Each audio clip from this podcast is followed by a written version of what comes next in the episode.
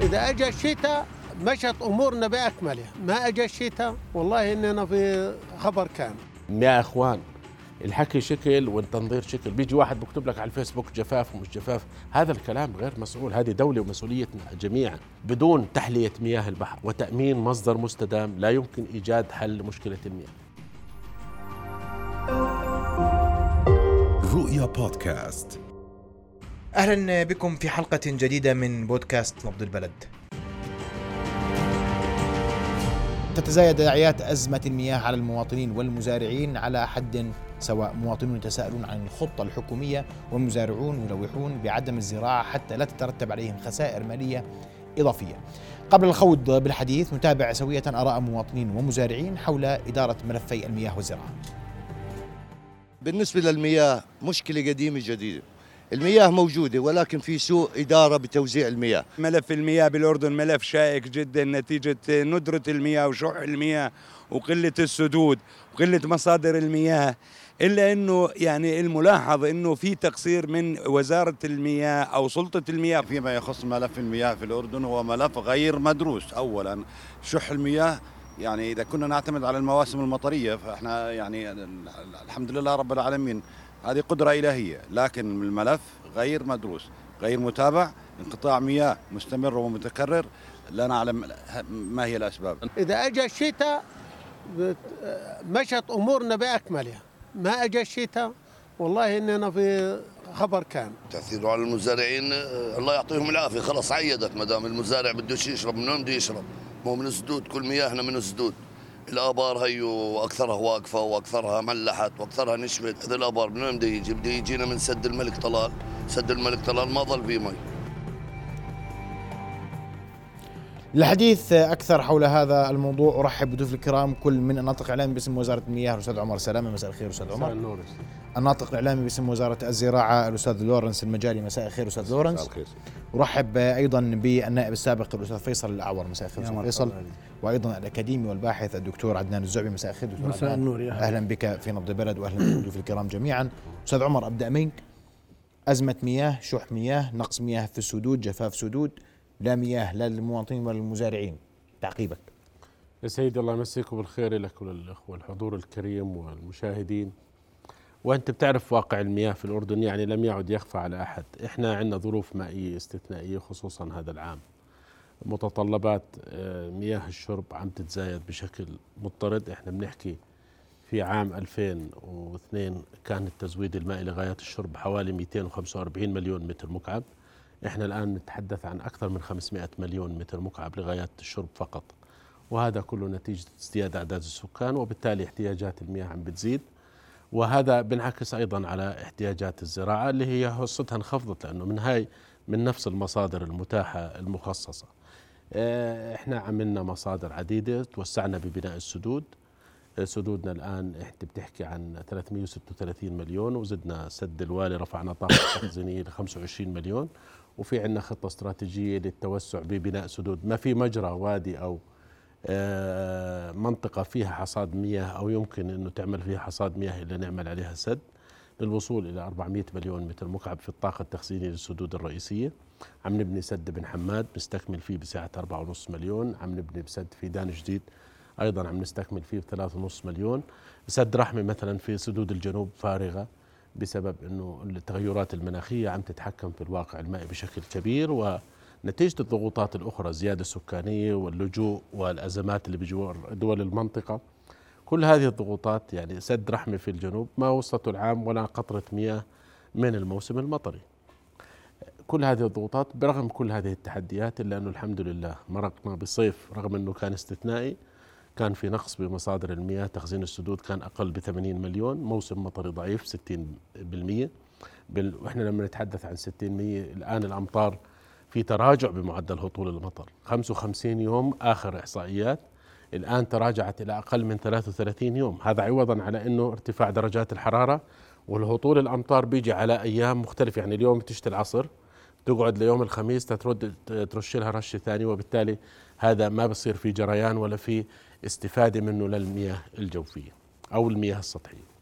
ثانيا سيدي العزيز إحنا الزراعة آه، برضو بتتوسع فيها حصص الزراعة كانت في بداية ال و12 تقريبا حوالي 729 مليون. الآن حصص الزراعة تراجعت إلى حوالي 500 مليون. مثل ما قلنا أنه هذا الحكي نتيجة أنه في ضغوطات كبيرة لغايات الشرب. مياه الصرف الصحي عم نتوسع في معالجتها.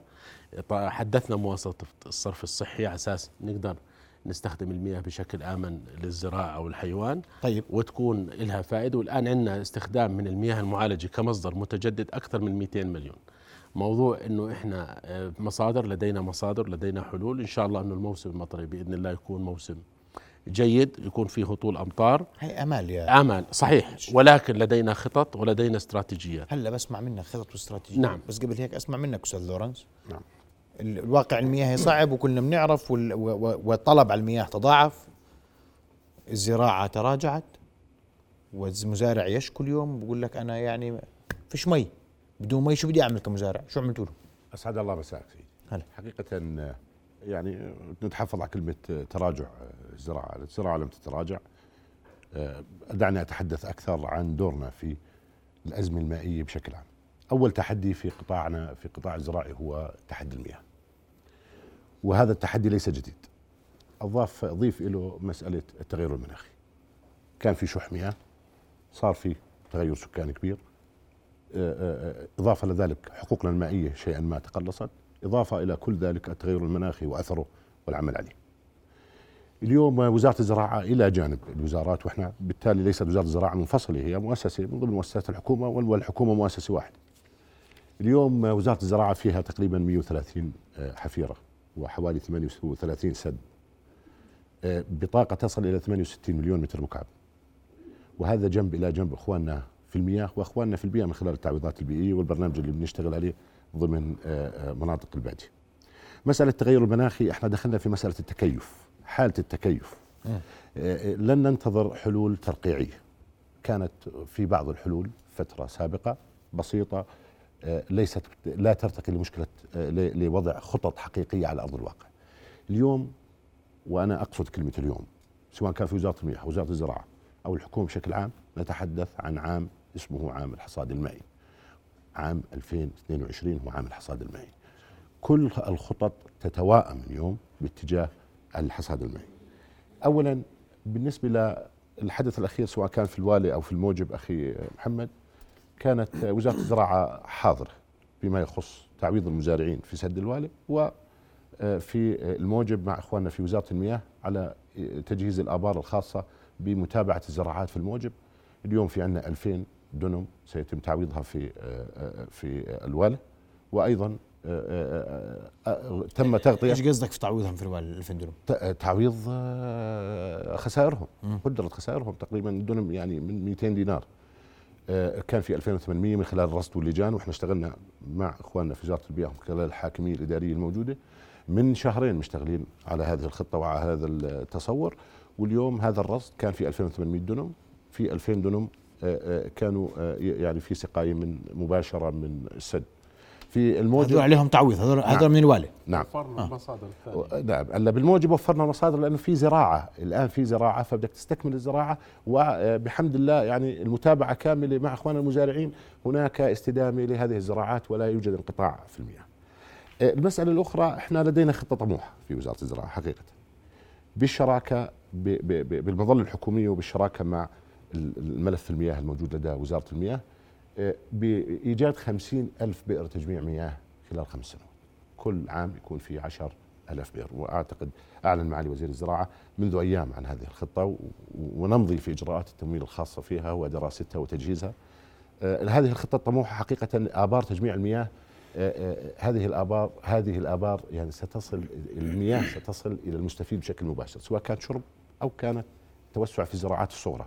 اللي هي المزارع الصغرى المنزلية.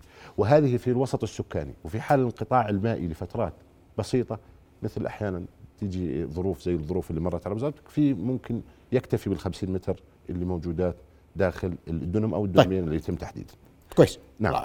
اسمح لي أستاذ بدي أسمع آراء الخبراء والمعنيين والمختصين. أستاذ فيصل أسمع وجهة نظرك. بما سمعت الواقع المائي الكل يعلم تفاصيله ليس جديدا على الأردن ونتعامل مع ما نملك وأيضا نعوض الخسائر في الوالا والموجب. الموجب ما في خسارة عوضنا في المي نعم. والوالي عوضنا 2000 درهم من أصل 2800 آه، بعد التحقيق وبعد عمل مشترك. وهذا سؤال اليوم إنه هل هذا مطمئن؟ يا سيدي اولا شكرا أستاذ محمد. أه، الحقيقة يعني أنا موجود بين أه، خبراء في الزراعة والمياه وأنا يعني بدي أحكي بحكم تجربتي. من خلال عملي كرئيس للجنة الريف والبادي في مجلس النواب السابع عشر والثامن عشر والصحيح يعني بداية ال- اللي بعتبرها أنا أه، ال- ال- الكارثة الحقيقية إنه اليوم إحنا عم نحكي إنه كيف لنا أن ننعم بالخير ولدينا وزارة مياه ولدينا وزارة للزراعة. للأسف الشديد إنه إحنا من خلال لجان مجلس النواب كانت لجاننا تعقد لقاءات مستقلة مع المياه وتعقد لقاءات مستقلة مع الزراعة. وللأسف الشديد وزارة الزراعة تتخذ قرارات بمنأى عن وزارة المياه ووزارة المياه تتخذ قرارات بمنأى عن وزارة الزراعة. مع العلم أن الزراعة والمياه شركاء يجب أن يكون هناك قرار موحد للوزارتين ويجب أن تكون هناك وزارة واحدة أصلا للزراعة والمياه ولا يجوز أن تكون هناك وزارتان يعني منفصلتان. الموضوع إنه اللي واجهناه الصعوبات والمشاكل اللي واجهناها، أنا بدي أتحدث عن السدود والحفائر اللي بمناطق الصحراء والباديه. هذه السدود والحفائر اللي هي تعدادها 411 صحيح. مش زي ما تفضل الأستاذ تابع لنا هلا مش نعم. تعدادها نعم يا سيدي. تعدادها 411 وزاره المياه ما. بين حفيرة وما بين هذول تبعاتنا مش هذول تبعات تاع هذه الحفائر وهذه السدود هذه الحفائر وهذه السدود تم إنشائها على المجاري الرئيسية للوديان. وللأسف الشديد هذه السدود وهذه الحفائر خلال فترة كانت عبارة عن ممتلئة بالطمي. وبالتالي إحنا خسرنا. هذه أصبحت أماكن لتجميع المياه بدون فائدة لأنه المياه اللي دخلت على هذه السدود الحوض ما استفاد منها ما تبقى فيها بتبخر وإحنا حرمنا الوديان وحرمنا الغطاء النباتي وحرمنا الأشجار وحرمنا المزارعين من الاستفادة من مجاري الوديان. طبعا أنا ما بتحدث عن السدود الكبرى، السدود الكبرى لها وضع مختلف، أنا بتحدث عن السدود والحفائر اللي هي بمناطق البادية والمناطق الصحراوية. هذه السدود ثبت فشلها فشل ذريع.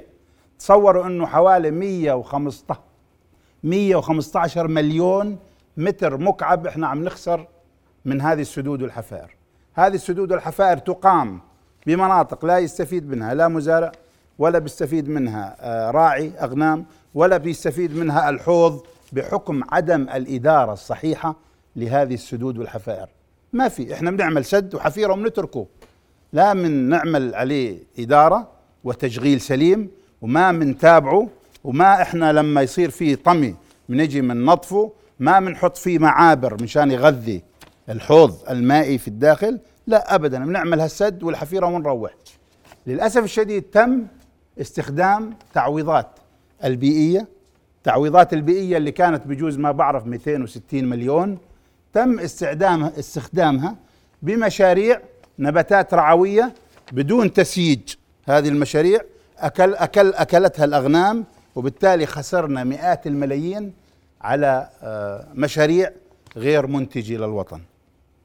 بعض هذه الأموال راحت للحفائر والسدود اللي اليوم ثبت إنه هذه الحفائر فاشلة فشل كبير، اليوم الحفائر أنا طالبت من خلال لجنة الريف والبادي طالبت عملت كتاب رسمي قلت لجنة لتقييم هذه السدود والحفائر. طبعا وصل الكتاب وما تم إجراء أي تصرف عليه. فبالتالي اليوم إحنا بحاجة لاعاده تقييم لهذه السدود والحفائر لانها اليوم عم بتمثل حرماننا من ما يزيد عن 100 مليون متر مكعب من المياه عم نحرم الحوض من هذه المياه. طيب نعم. اسمع رأيك دكتور عدنان؟ وبعدين بسمع تعقيبكم الاساتذه الافاضل صحيح. يعني شكرا أخي محمد وشكرا لرؤيا اللي مهتم بهذا الملف. هذا ملف أمن وطني سيدي. آه، لأنه أنا بجد إنه هي الوسيلة ال- الاعلاميه الوحيدة في الأردن اللي بتركز على هذا الموضوع بشكل مباشر. وهذا بهذه الحال ليست للمجاملة ولكن هذا مطلب الناس جميعا. نعم. صيحات الناس وهتاف الناس دائما. سواء كان للنواب ولا للناس اللي كانت تعمل في قطاع المياه أو من يتعامل مع قطاع المياه هي مستمرة ودائمة. أنا بنظر للأمر بطريقة أكثر عمقا من مجرد طرح بعض حيثيات القطاع المائي أنا بعرف إنه في بالسدود إهمال كبير جدا وبعرف إنه الإدارة الحكومية لم تفلح لم تفلح حتى الآن لم تفلح حتى الآن بان تدير مفهوم السدود بالطريقة التي هي ضمن المواصفات الدولية والعالمية. أحيانا حتى في التصاميم أحيانا حتى في الاستشاري أحيانا حتى في التنفيذ. وهذا سد الواله آه، مثال صارخ على هذا الكلام. وأعتقد أن إخواننا في وزارة المياه والري اللي عندهم ضمير بيدركوا الكلام اللي بحكيه أنا. هذا موضوع اللي دائما وزارة المياه والري إخواننا في الوزراء وأنا كنت واحد منكم. أنا كنت واحد. كنت لما يحكي فورا الوضع المائي كذا وضعنا التحديات كذا. إحنا عارفين التحديات وعارفين المشاكل من سنه من من من بداية نشأة الأزمة من ال 2000 وطالع المياه في الأردن من 1985 طيب عندنا أزمة مياه وعندنا تغير مناخي. خفض 20% وعندنا مشاكل في السدود مثل ما تفضل السيتلمنت 90% من السدود اللي عندنا لو ما نقول كمية أو أو أو أو آه، ال- ال- سد الملك طلال 75 لا أنا بأكد لك الآن ما فيش 40 لأنه سيتلمنت مش عارفين نطلع إحنا. المفروض يكون في تنظيف دوري وبشكل مستمر. أين أطرح أين الرؤية الأساسية لمعالجة قضية المياه. إحنا كل سنة بدنا نطلع نفس الشيء إذا اشتت إذا أمطرت لؤلؤا من نرجس بنصير نزقف وبنسكت.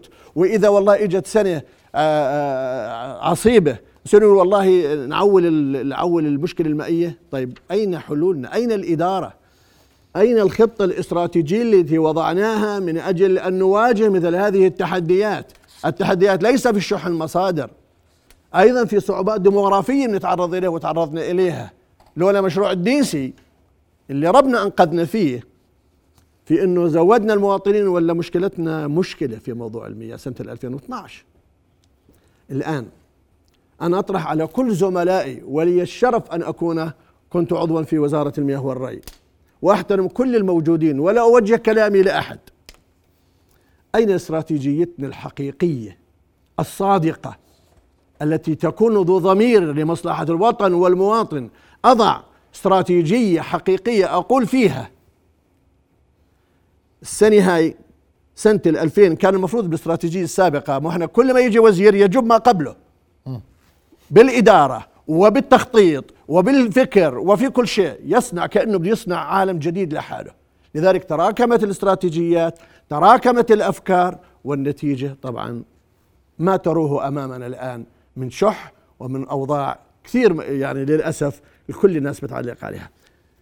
الآن كان موضوع مشروع الديسي تأثيره إيجابي سينتهي 22 في هذاك التاريخ كان المفروض يكون مشروع قناة البحرين منفذ.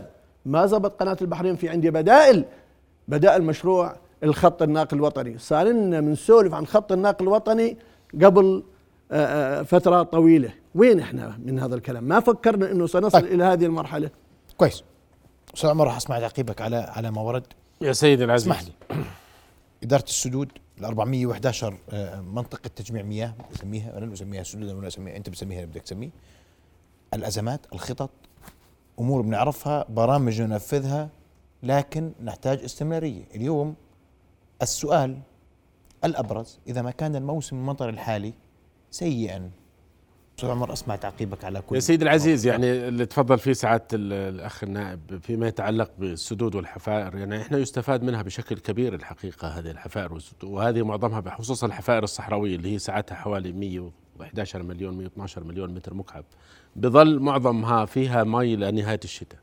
هلأ كمية التبخر منها حسب دراسات أجريت لا تزيد عن 20 مليون متر مكعب سنويا. وتعرف يعني إحنا برضو نعم في ارتفاع بالحرارة. إحنا الواقع المائي يا إخوان اللي بنعيشه بالأردن ليس واقع استثنائي. أنا بالتقارير اللي بنعملها يوميا هناك جفاف بحيرات في سوريا في العراق في إيران في المنطقة في العالم. في وضع استثنائي بالعالم فيما يتعلق بالمياه. آه، بموضوع تنظيف السدود. إحنا على سبيل المثال بس أضرب لك مثال واحد. إحنا استدرجنا عروض وطلبنا على أساس تنظيف السدود. كلفة المتر المكعب الواحد حتى تشيله من السدود الطمي والرسوبيات. نعم هناك طمي في السدود وهذا في العالم كله بصير.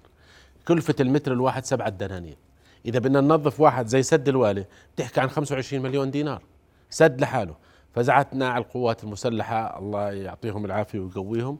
ساهموا معنا وأعطونا بسعر رمزي جدا. اللي بدأوا بتنظيف سد آه، الموجب. وإحنا شغالين الآن عليه آه، لتنظيف هذا السد. وإن شاء الله خص لهم شهرين شغالين عليه. هلأ الوالي؟ آه، يعني بقول الكلفه عاليه أنت تبني سد جديد أحسن ما إنك تعمل. يعني 25 مليون دينار. هذا لما نشف ما كانش في مجال إنه إحنا ننظف. يا سيدي العزيز هذا بده مش بالسهل. أنت بتحكي عن خم... يعني لما بدك تحكي على سبيل المثال لو بدك تنظف منه 10 مليون متر آه، طمي. يعني أنت هذا الطمي بتعرف كميات المياه اللي بتجيب بتجر معها كميات طمي كبيرة.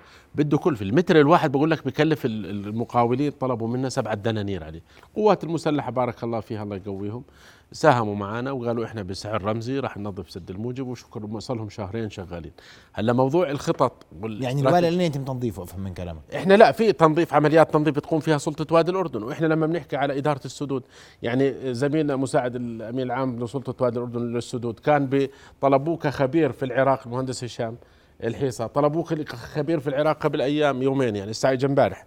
على أساس يعالج لهم مشكلات في موضوع السدود في العراق وشارك بمؤتمر دولي مهم. موضوع السدود إحنا خبراء وعندنا إدارة حصيفة للسدود بس ولكن واقع التحديات كبير. أنت بتحكي عن ضغوطات بتتزايد. إحنا عملنا خطط. بسبيل المثال مثلا إحنا خلال الفترة الماضية أنفقت الحكومة أكثر من خمسة مليار دينار على قطاع المياه خلال عشر سنوات. ولكن يا أخوان حجم التحدي كبير. عملنا مشروع جر مياه وادي العرب لتأمين 30 مليون متر مكعب.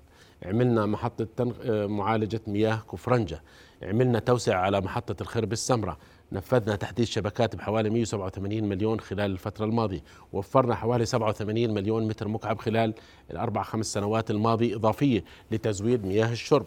ولكن أنت حجم التحديات الكميات عم تتناقص والأمور عم يعني بزيد الطلب وتتراجع المتاح منها فبالتالي مساله السدود تسمح لي أسألك تفضل أستاذ عمر آه، سد الكرامة شو بنعمل فيه؟ سد الكرامة يا سيدي العزيز آه. سد الكرامة عمل بطاقة 25 مليون متر مكعب طيب. الملوحة فيه تزيد على 7000 زيه زي مياه البحر وبالتالي نتيجة طبيعة التربة اللي فيه. هذا طبعا مرتبط بنهر الأردن والتدفقات اللي جاية من نهر الأردن ووضع البحر الميت. لو كان في كميات مياه كبيرة بنهر الأردن كان حجم التدفق فيه 750 مليون متر مكعب بالسنة. الآن بتحكي عن 150 مليون. هذا له ظروف سياسية وإقليمية مرتبطة من أقصى الشمال بالجبل الشيخ مرورا بالمنطقة. فبالتالي إحنا سد الكرامة الآن. عم بنجهز وثائق عطاء للاستفادة من مياه هذا السد في عمل مشروع سياحي واستزراع سمكي لأنه ملوحته عالية. آه، فبالتالي إن شاء الله خلال فترة قريبة راح يكون في مشروع مهم للاستفادة من مياه سد الكرامة. وأيضا نتيجة التغير لو إجت أمطار جيدة خلال المواسم الماضية. إحنا ما إجانا أمطار جيدة إحنا نتحدث عن الأمطار بال 2019 إجانا شوية مطر وباقي السنوات ما إجاناش أمطار. يعني إحنا لما بنحكي على الأمطار بال 2021 حجم المطر اللي إجانا كل تخزين السدود 140 مليون. بال 2020 هو السنة الوحيدة اللي كانت سنة ماطرة وجيدة 210 مليون. بال 2019 كان 185 مليون. بال 2018 155 مليون. بال 2017 160 يعني لم تمتلئ السدود بتاتا منذ إنشائها. وبالتالي أنت بتحكي عن حجم التحديات. إحنا موضوع السدود في إدارة في السدود في كذا ولكن هناك ضغوطات الأولوية لمياه الشرب لا يجوز. الحمد لله إحنا الآن إحنا بنحكي بالأردن. دول عديدة لديها مصادر مائية كافية جدا وأنهار ودنيا. والناس ميتين من العطش والناس عم تشرب مية ملوثة. إحنا بحمد الله سبحانه ورغم هذا في حلول وفي استراتيجيات خلال الفترة القادمة. كفيله بتأمين مصادر مياه والخروج من هذا الواقع إذا مهما كانت مطر. حتى لو لم يأتي لا سمح الله مطر بق... لا قدر لا الله, الله. لا قدر الله. افترض الموسم مطر ضعيف. يعني هو أنت بتقول 140 مليون افترض السنة إجانا 100 مليون. يعني هو بال 99 إجانا موسم ضعيف جدا وال 2000 إجانا مواسم ضعيفة جدا كانت حوالي مليارين ونص. وكانت يعني إحنا مثلا سد الوالي جف في 2007 2008 ليس أول مرة بتجف السدود. معظم السدود أخي أبو صلاح بجوز بيعرف من سنوات طويلة. معظم السدود بجوز الوحيد اللي كان سد الملك طلال لأنه في تدفق عليه من محطة الخرب السمراء حوالي 350 ألف متر مكعب يوميا من المياه المعالجة. وحدثنا مواصفة المياه المعالجة حتى تكون مياه تندرج يعني بطريقة آمنة مثل ما قلنا في البداية وتكون مواصفتها صالحة للزراعة وللأشجار ولزراعة الأعلاف. وعم بنوفر مصدر كبير. الآن استراتيجياتنا وخططنا. لدينا مشاريع استراتيجية مهمة. تعال العمل تأمين مصادر بكل سنة 20 إلى 40 مليون متر مكعب إضافي. لدينا مشروع ب 360 مليون منذ ثلاث سنوات نطبقه في كل مناطق المملكة لتحديث الشبكات وخفض الفاقد. وأنت بتعرف إنه أنت وأنا بنعرف إنه الفاقد شو هو الفاقد في غالبيته. فاقد استعمالات غير مشروعة. وبالتالي إن شاء الله للوصول إلى المستويات الجيدة موضوع الفاقد إحنا مثلا بالعقبة بتحكي عن 28 29% في بعض المناطق. في بعض مناطق العاصمة 32% الفاقد نتيجة تحديث هذه الشبكات وتطويرها. وما زلنا بحاجة إلى مزيد من المشاريع والأموال. فيما يتعلق بالخطط الأخرى لدينا مشروع الناقل الوطني إن شاء الله خلال فترة عدة سنوات بسيطة إن شاء الله يكون هذا يرى النور. سبع سنين. مش هلأ موضوع الناقل البحرين اللي ذكره أخي عدنان. مم. موضوع ناقل البحرين بتعرف هذا تعطل؟ مش لأنه الأردن ما بده إحنا كنا شادين حالنا فيه ولكن ما كنا المفروض الدولة المعنيين الآخرين يا أستاذ عمر مش كان المفروض ما هيك؟ يعني المفروض عدلوني إذا بحكي غلط الخطة مش كانت تقول إذا تعطل البحرين. امشي في الناقل الوطني. مشينا على طيب طول ما بنتظر ما بنتظر أنا أحط مصيري يا سيدي إحنا مش منتظرين إحنا ما انتظرنا. لم ننتظر أحد. بهذا الموضوع بس إحنا ما انتظرنا سيدي. أمنا مصادر داخلية على طول وعملنا حلول. إحنا مثل أنت من ثلاث أربع سنوات خطة آه، استراتيجية السدود من 2013 بدأنا بتنفيذ توسع بالسدود وعم نبني حفائر الوالي الوالي صالح آه، يا أستاذ عمر؟ يا سيدي صالح 100% التعليم. 100% والمقاول اللي نفذ المشروع متعهد فيه وبقول لك أنا بلتزم فيه. وكل الخبراء اللي بيأكدوا والمعنيين اللي بثق فيهم في قطاع المياه فيما يتعلق بالسدود بقول لك هذا سد من أحسن السدود. يا إخوان الحكي شكل والتنظير شكل. بيجي واحد بكتب لك على الفيسبوك جفاف ومش جفاف. هذا الكلام غير مسؤول. هذه دولة ومسؤوليتنا جميعا. هلأ المي توصل للناس. يعني إحنا الآن موسم جفاف مثل ما ذكرت. الصيف هذا الحمد لله كنا نتوقع الأسوأ. ومرت علينا. يعني أنا بحكي لك بصراحة كان في سيناريوهات إنه تكون الأمور صعبة جدا. بفضل الله ما شهدنا عطش. يعني ما في مناطق بكاملها انقطعت عنها المي صح في بيت والله مرات بيت لورنس المجالي بالزرقاء بتقطع عنه المي بيقول إلحقنا ما وصلتناش المي هذا الحكي بتصير نتيجة تقادم الشبكات نعم. ويعني ظروف يعني الصعبة. الاستراتيجية القادمة هي خط الناقل الوطني في عده مشاريع في عندنا مشاريع خطوط ناقلة في عندنا مشاريع خزانات في عندنا حفر آبار عميقة واستكشافها في عندنا آه، استخراج مياه من آه، أحواض جديدة في المملكة بناء خزانات جديدة المياه الجوفية لا أنت على هاي 200% بس في بعض الأحواض بدك بدك تنزل على أعماق كبيرة راح نطلع مي جديدة بدها معالجة وبرضه هذا الحكي مصادر أنت مضطر الآن اللي كنت المي مستخدمها بدك تستخدمها بعد 20 سنة صرنا نحفر بدل عمق البير 200 و400 متر صرنا ننزل ل 1500 متر و1300 متر. وبالتالي جبنا في عندنا الآن عمليات لاستخراج المياه من أعماق كبيرة. هذه المياه بدها معالجه وكلفتها كبيرة صحيح ولكن هذا هو الواقع اللي إحنا بدنا نعيشه. وراح نظل نتوسع ببناء السدود حتى إنه يعني نستفيد منه. بدون تحلية مياه البحر. وتأمين مصدر مستدام لا يمكن إيجاد حل لمشكلة المياه. طيب. كويس هذا اعتراف جيد. أسمع رأيك يا أستاذ لورنس بما يعني نعم. كمان في الزراعة بنطول بالنا حبتين. على طول. وبعدين ترى الناس بتسأل اليوم كان عندنا يوم الشجر كنا نزرع شجر كلنا. صحيح؟ بطلنا نزرع شجر. ولا لساتنا يعني بحكي معك بصراحة. لا صحيح صحيح. والسؤال كله عن شجراتك. آه بس عن شجراتي. اللي هو اللي زرعناه أيام المدرسة نعم. وين راحوا. حقك. صحيح. أول شيء بدي أرجع شوي اسمح لي أستاذ محمد أتحدث آه، عن علاقة المياه والزراعة والبيئة ويعني وسعادة الأستاذ آه، فيصل. تحدث اليوم في لجنة زراعة ومياه وأعتقد أنت كنت في مجلس النواب وأنت بتعرف إنه هاي هاي مظلة واحدة بتربط كل المؤسسات مع بعضها وبالتالي في تكامل ويتحدث عن وزارة واحدة يعني. آه هلا بالنسبة للقضيه ليست قضية وزارة يعني ليست قضية الربط الوزاري وأنا ليس هذا مساحتي في الحديث لكن ليست هناك في تكامل كبير بيناتنا اليوم إحنا بنجري عملية صيانة في وزارة الزراعة لحفائرنا وأنا بدي أوضح الصورة ال 130 ال 130 وال 38 تحدثت عنهم وما يخص اللي عملت عليه وزارة الزراعة من حفائر و وبالإضافة الإخوان في وزارة المياه وما لديهم من مشاريع في منطقه البادية، إضافة لذلك هناك يعني ما بدي أتحدث أيضا عن التعويضات البيئية لأنه إحنا لمسنا في الفترة الأخيرة أثر الحفائر هذه ضمن الثروة الحيوانية. يعني كانوا مربين المواشي في نوع من الاكتفاء في المياه في أغلب المناطق. لم تكن هناك شكاوى بشكل مباشر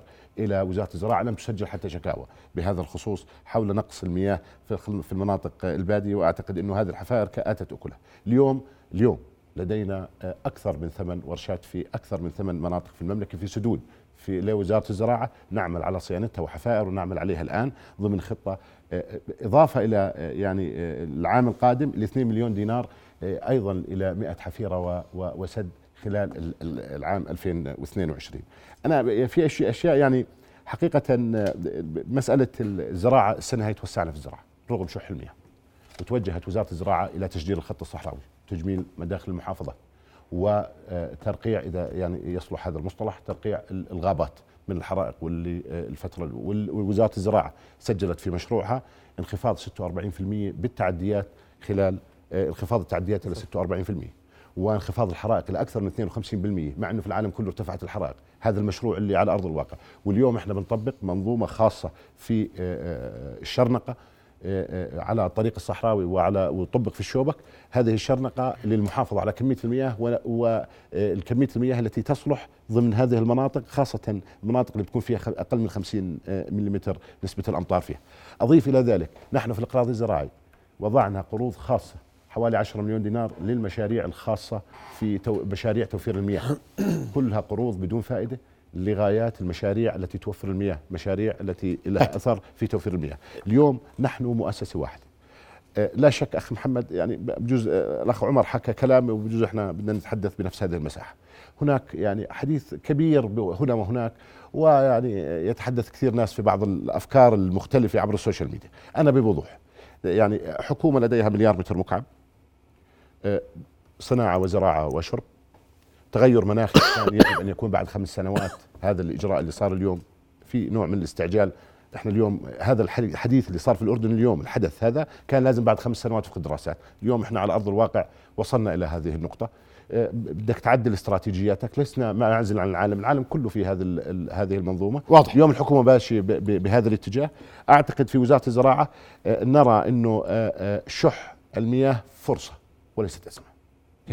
طيب إذا بتسمح لي بس بعد اذنك بس نص دقيقة. فيصل بيك نص دقيقة. بس نص دقيقة يا سيدي نص دقيقة. لازم نحكي. إحنا بس بنتمنى على إخواننا المواطنين آه. يعني حتى برضه كمان كلنا نساهم بموضوع مواجهة العجز المائي نعم. لأنه لا تستطيع لا وزارة البيئة ولا أحد لحاله. بدنا مساهمة وطنية من الجميع. طيب. الكل يساهم بالحصاد المائي كمزارعين كمواطنين. نحافظ على المياه طيب. نستخدمها ما ماشي هذا هاي رسالة المواطنين يقول لك كل يوم إلك كل يوم ننبه المواطن. ما عليك مش مشكلة. صف فيصل خلينا نحكي بصراحة يعني. تفضل يا سيدي. يعني أنا بحكي وزارة الزراعة تزرع صح؟ ولكن وزارة المياه بتقلق. آه. للأسف إحنا زرعنا ملايين الأشجار. للأسف نزرع من هان وللأسف يومين ثلاث بتكون الشجرة ميته ميتة ومنتهية. لأنه إحنا بنأخذ قرارات وما بنشرف على هذا القرار وما بنتابع قرارنا. ناحية ثانية بدي أسأل الأستاذ لورنس بكل صراحة في يوم الخميس 11 11 يوم الخميس الماضي صدر قرار من وزارة المياه بردم 587 بئر. أنت بتحكي تكامليه أنت مشترك معاه في هذا القرار؟ أول شيء أنا بدي أجاوب بدي أجاوب. الجواب أنا بجاوب. بعد إذن الاستاذ هل أنت راحتكم يا سيدي سؤالي أنا الحكومة الحكومة لا لا لا. عن السماح بترخيص الابار لا لا إذا سمحت. يا سيدي أنت أنا مش سؤالي. موضوع لا لا إذا سمحت سؤالي. نعم. أنت اشتركت مع وزارة الزراعة في هذا القرار مع وزارة المياه في هذا القرار؟ لا لا أكيد. هذا القرار كل سنة بيطلع هذا آه أو لا. هذا هذا قرار سنوي. بعد إذنك سيدي. اذا يا أخوان إذا اشتركت في القرار يا خليني أحكي. لا لا هذا القرار سنوي. يا أخوان. يا أستاذ محمد.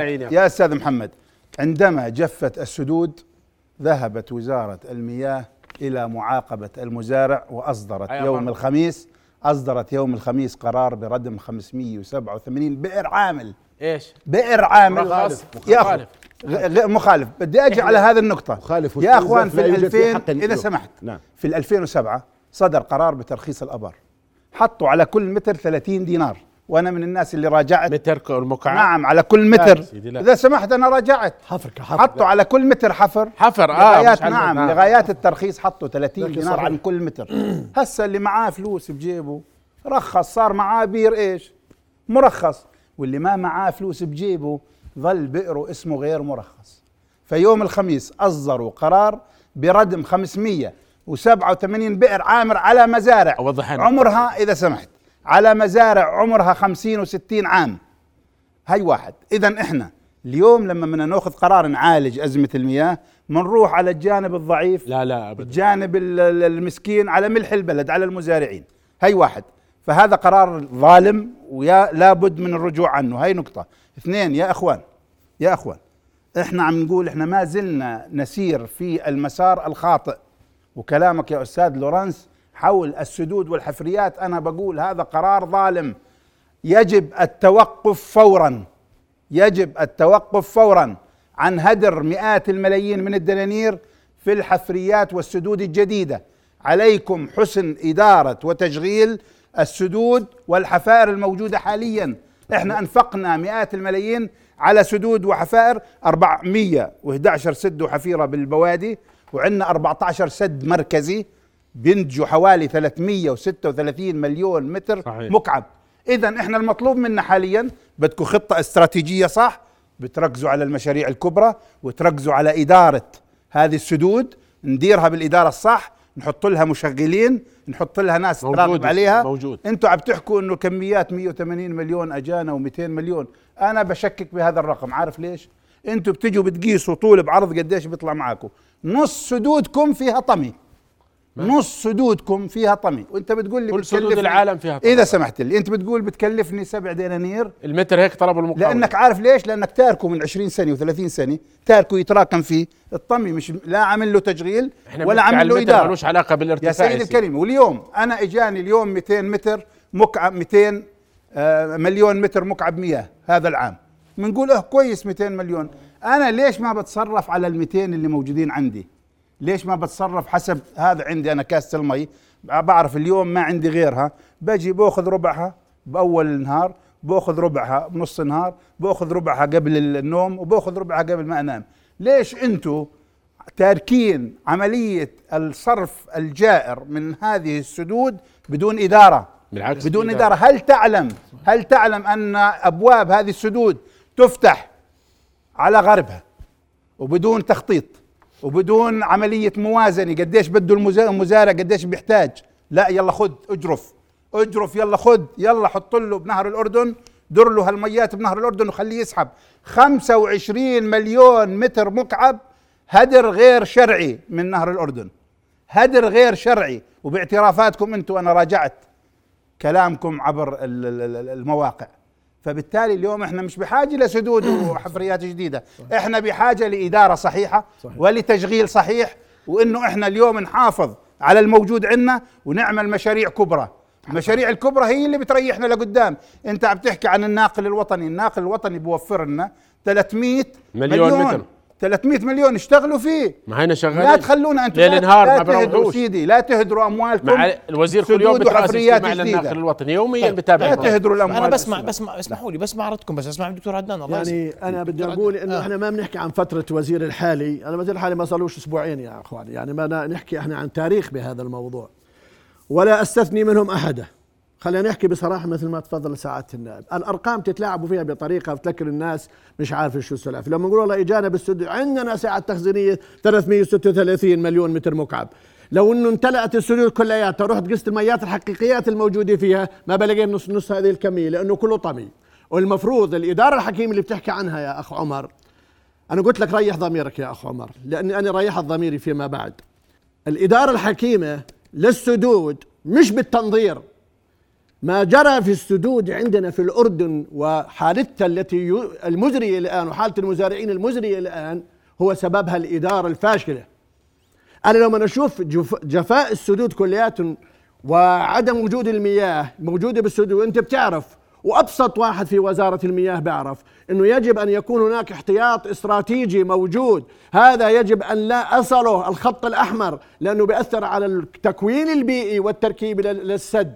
وصلنا إلى أسوأ أسوأ أسوأ من هذه المرحلة. أين الإدارة الحكيمة في هذا الموضوع؟ أنا بحكي من منطلق أن أنا مواطن وبعرف الأمور وحيثيات هذا العمل في في وزارة المياه والري، هؤلاء اللي بتحكي عنهم وبتقول خبراء وين كانوا؟ من كانوا مثل ما تفضل سعادة النائب. السدود التي يجب أن يكون فيها 10% احتياط استراتيجي ممكن أشغل فيها المزارعين، كنا دائما نصل إلى أسوأ من هذه المرحلة. نجيب المزارعين والمزارع متفهم، المزارع أخي محمد متفهم ومدرك انه هذول هالميات موجودات أنا وياك بدنا نتشارك فيهن. بدنا نعطيك القد ازرع بناء عليه. بصير في ترتيبات للمزارع. بوقف الزراعات الصيفية بنطي نصف الكمية ازرع نصف الأرض ازرع المزروعات اللي تستهلك كميات مياه وهكذا على مدار عشرات السنين. هذه المرحلة شو اللي صاير في وزارة المياه؟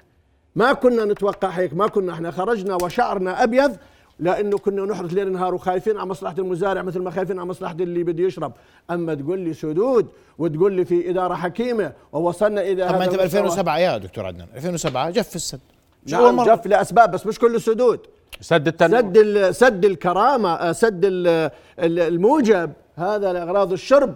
بيصل لمرحلة ما دون الخط الأحمر أنا نوعية المياه قد بيعملها الشرب. اثنين أنا بدي مياه أخلطها لمياه الديسي. انت بتعرف مياه الديسه بده حالة خلط من أجل إن نوعية المياه تكون مطابقة للمواصفات؟ موجود ليه بجيب له الآن؟ أحفر مياه اللي أوضح يا المياه الجوفية؟ لا لا أنا يا عمر أنا ما بحكي لأني ضدك لا لا سمح الله أنا بحكي حقائق. الاختلاف حتى بالتالي إخواننا في وزارة المياه الناس الطيبة الموجودة الآن يشتغلوا على استراتيجية أخرى غير هيك غير إنه والله أنا آه، بعمل عبارة عن مشاهد درامية وببين إني بشتغل بدنا بدنا شيء بدنا شيء. أنا خايف على أولادي في المستقبل في موضوع المياه. من بدهم يشربوا. إذا ضلينا على هذه الشاكلة التدهور المناخي عندنا قاعد بتراجع بكميات الامطار 20% كل ماله. الآن بعد 10 سنين شو بدي أسوي؟ صحيح. التحلية؟ أنا وياك طول نهارنا نغني بهذا الموضوع. بس أنا ما بدي أغني. أنا بدي أف... بدي بدي عمل بدي برامج حقيقية. اجى الوزير هذا حاليا شغلها بدأ يشتغل. أنا بعرف وبتابع. صار يعمل انه كل يوم عن اجتماع وبده ينفذ وأنا حكيت معه قال لي أنا بالنسبة لي هذا خطتي الرئيسية إني أشتغل بهذا الخط. بروح غد بيجي واحد ثاني بتغير الأمور يا أخي يا أخي خليك هناك خطة استراتيجية موضوع المياه بطل يكون قضية متعلقة في وزارة لوحدها. هو مشروع وطن بشكل عام لأنه هو أساس بقاء ونماء وتطور الإنسان. بنحكي عن زراعة بنحكي عن بيئة بنحكي عن صحة. طيب. طيب. سيدي العزيز فضل. موضوع فتح السدود آه. يتم بفق آليات معينة ومراقبة من ما إحنا اخت... هذا واحد. خلينا بالله عليك يا سيدي العزيز ما هو إحنا ما في داعي؟ فهمني قصة. ما هو أنا ما هو إنه كيف نشف السد؟ لا بديش كيف مسامحك. آه. مسامحك. آه. بتقوليش كيف نشف. آه تفضل. أنا قول لي اختلفنا فتحناه صح ولا غلط؟ ما إحنا اختلفنا فتحناه صح ولا غلط؟ هذا موضوع يعني بدناش ندخل فيه تفاصيل. ماشي. هلا موضوع تفاصيل؟ إيش قول؟ يا سيدي العزيز. كيف ما تحكي يا عمر؟ احكي يا عمر. يا سيدي العزيز. قلت لك ارضي ضميرك واحكي وقته يا سيدي العزيز. يا سيدي العزيز الله يمسيكم بالخير. هلا الوضع المائي أنتم يعني انت ابو صلاح وسعاده النائب والإخوان عارفين يعني إحنا شو وضع المي؟ انت يا إخوان انت كمية المياه انت الآن أولوية الشرب. سد الوالي بالنسبة لحقوق الزراعة. حقوق المياه في الري في مناطق معينة. هذا السد موجود لتصريف المياه لا آه، في عندنا آبار بالوالي بتغذي الإخوان المزارعين. حقوق ري حوالين السد ما في لا مياه سد الوالي. إحنا يا سيدي العزيز المياه الموجب بنستخدمها لغايات الشرب. مياه سد الوحدة بنستخدمها لغايات الشرب. سد كفرنجة بنستخدمه قديش تاخذ من الوحدة؟ ها؟ قديش تاخذ من الوحدة مي؟ ناخذ من الوحده هسه ما في غير 17 مليون هلا. هلا هلا صعب هلا بناخذ بعد السد. هلا ما بناخذ في أبار مخيبه ما بناخذ لا لا هلا بناخذ مش من السد. هلا ما بعد السد في آه، آه، وادي الرقاد. هالكميات اللي بتيجي؟ يلا تيجي 25 مليون متر مكعب بأفضل الأحوال. هذا بالمو... نعم. هلا هذا واقع كميات المياه اللي عم تيجي ضعيفة يعني. فبالتالي يا أخوان أنت التحديات المائية. مش أنت بس بدنا نحمل وزارة المياه وطواقم وزاره ما بنحمل هلا أنا ما بقول اخطاء ولا مش اخطاء ب... يعني هذا موضوع إحنا خلينا نحكي فيه. على المشاريع عم نعمل مشاريع. عن أمن مصادر عم بنأمن مصادر. أنا بدي أسمعك بعد فاصل بوضوح عشان أكون محقق آه. اليوم أنا ما بدي أحكي في اللي راح مسامحك. خلص بنضم الماضي. okay. أنا بدي في المستقبل أنا أعرف في قدام اليوم. هل هناك خطة صريحة نعم واضحة يمكن الإعلان عنها للأردنيين؟ نعم صحيح. عندنا واحد اثنين ثلاث صحيح. أربعة بنعمل واحد ثلاثة أربعة إجتنا مي ولا ما اجتنا مي أستاذ عمر تفضل. أنا يا سيدي بطمن. لي بدنا نعرف أنت قلت لي من- ما حدش بيعرف كيف نفتح مسكر السدود كيف نفتح في إدارة منظمة لفتح بوابات السدود حسب التدفق فيها وقديش كمية المياه وقديش بتفوت عليها مي وقديش ممكن فيها. موضوع سد الملك طلال 80 مليون سعته الرئيسية كانت. نزلناه صرنا بالموازنة المائية 75 مليون لأنه مثل ما قال في عندنا 5 ملايين متر مكعب طمي في هذا السد. ومثل ما ذكرت لك تنظيف السدود مكلف. إذا بدنا ننظف السدود لا والله بنبني سد ثاني أحسن. بدها عملية فتح تذكرة الوالي كانت ضمن الإطار؟ آه أو لا؟ ما ادخل آه أو لا. آه أو لا كيف يعني؟ بدكش تجاوبني يا عمر قول لي ما بدي أجاوبك عادي. أنا على. حقك تقول له ما بدي أجاوب. رجل آه. نزيه يعني في إجراءات كانت اللجنة الموجودة اوصت بهذا الأمور وصار في إجراء في ذاك الوقت هلا هذا الموضوع الجهات الرقابية عم بتتابع هذا الموضوع وهي اللي بتقول كلمة الفصل في هذا الموضوع فيعني هلا موضوع الاستراتيجيات عندنا استراتيجيات في عندنا حفر آبار جديدة هذا المتاح بدنا نأمن مصادر لإخواننا المواطنين حسب الزيادة تقول السكانيه على على 1500 متر؟ على إن شاء الله على 2000 متر. مهم نامن مياه. هلأ إحنا سد مياه الديسي كانوا بيقولوا إنها مش متجددة. عم بنوفر مياه الديسي لغايه الشرب والخلط وهلأ مستمرة إن شاء الله. ممكن في تفكير بزيادة عدد من المصادر من أحواض أخرى. لدينا خطط لبناء خزانات مثل ما ذكرتك خطوط ناقلة التوسع في تحلية مياه بعض السدود وزيادة طاقتها مثل ما عملنا من الموجب لشمال الكرك مثل ما عملنا من سد كفرنجة لمناطق عجلون. آه، آه، في يعني آه، جدية في التعامل مع ملف المياه لتأمين مصادر مختلفة. وهذا يعني هذه الحلول اللي إحنا بدنا نعملها حتى نقدر نأمن مواطننا. هذا خط أحمر تأمين كميات مياه الشرب واحتياجات إخواننا. المزارعين مثل ما ذكر أخي لورنس إحنا هذا موضوع في تشاركيه مع إخواننا في وزارة أخ الزراعه لتنفيذ الخطط واضح. الحكومية بهذا المجال. أستاذ لورنس تفضل. يعني حتى أكون مبشرا الاستاذ بشرنا حدث. شيء آه. شيء إيجابي. حقيقة تحدي المياه موجود. تحدي ليس قديم. هو يعني زاد خطورة فيه. ليس بتلك الخطورة التي يعني نستشعر أن الوضع لا سمح الله بهذا بهذه السوداوية. لدينا خطة لدينا دراسة كما تحدث آه، آه، الأستاذ عمر. هناك خطة واضحة هناك موائمه وتداخل ما بين كل مؤسسات الحكومة ذات الاختصاص. أعتقد إنه العام القادم سيلمس سيلمس المواطن شيء مباشر في مسألة الحصاد المائي على مستوى المو المو التغير في في الم- في الم- الميزانية المائية لدى الأردن سواء كان على القطاع الزراعي أو كان على قطاع الشرب. آه، في وزارة آه، في وزارة الزراعة آه، لدينا هذا المشروع الطموح وإن شاء الله سنمضي باتجاه واضح وبجوز نعمل على قدم وساق في الوزارة الآن ويجوز مع الوزير بشكل يومي يتابع آلية الت- ال- ال- التجهيز لمسألة آه، آه، إيجاد الدعم لها. آه، القادم يعني لا شك إنه في خطورة لكن ليست بالمستوى التي تكون طارده لا سمح الله. اليوم قطاعنا الزراعي بيتوسع مياه الشرب تصل لكل بيت. طيب. يعني إن شاء. الله إنه بخير. لدينا خطط بناء خزانات مصادر جديدة. مصادر جديدة من الخط ناقل الوطني. كله يصب بصالح أنا أنا بنصح بنصح وزارة المياه التوفير بموضوع بناء سدود جديدة وحفائر جديدة لصالح صيانة الشبكات. موجود 360 نعم. مليون.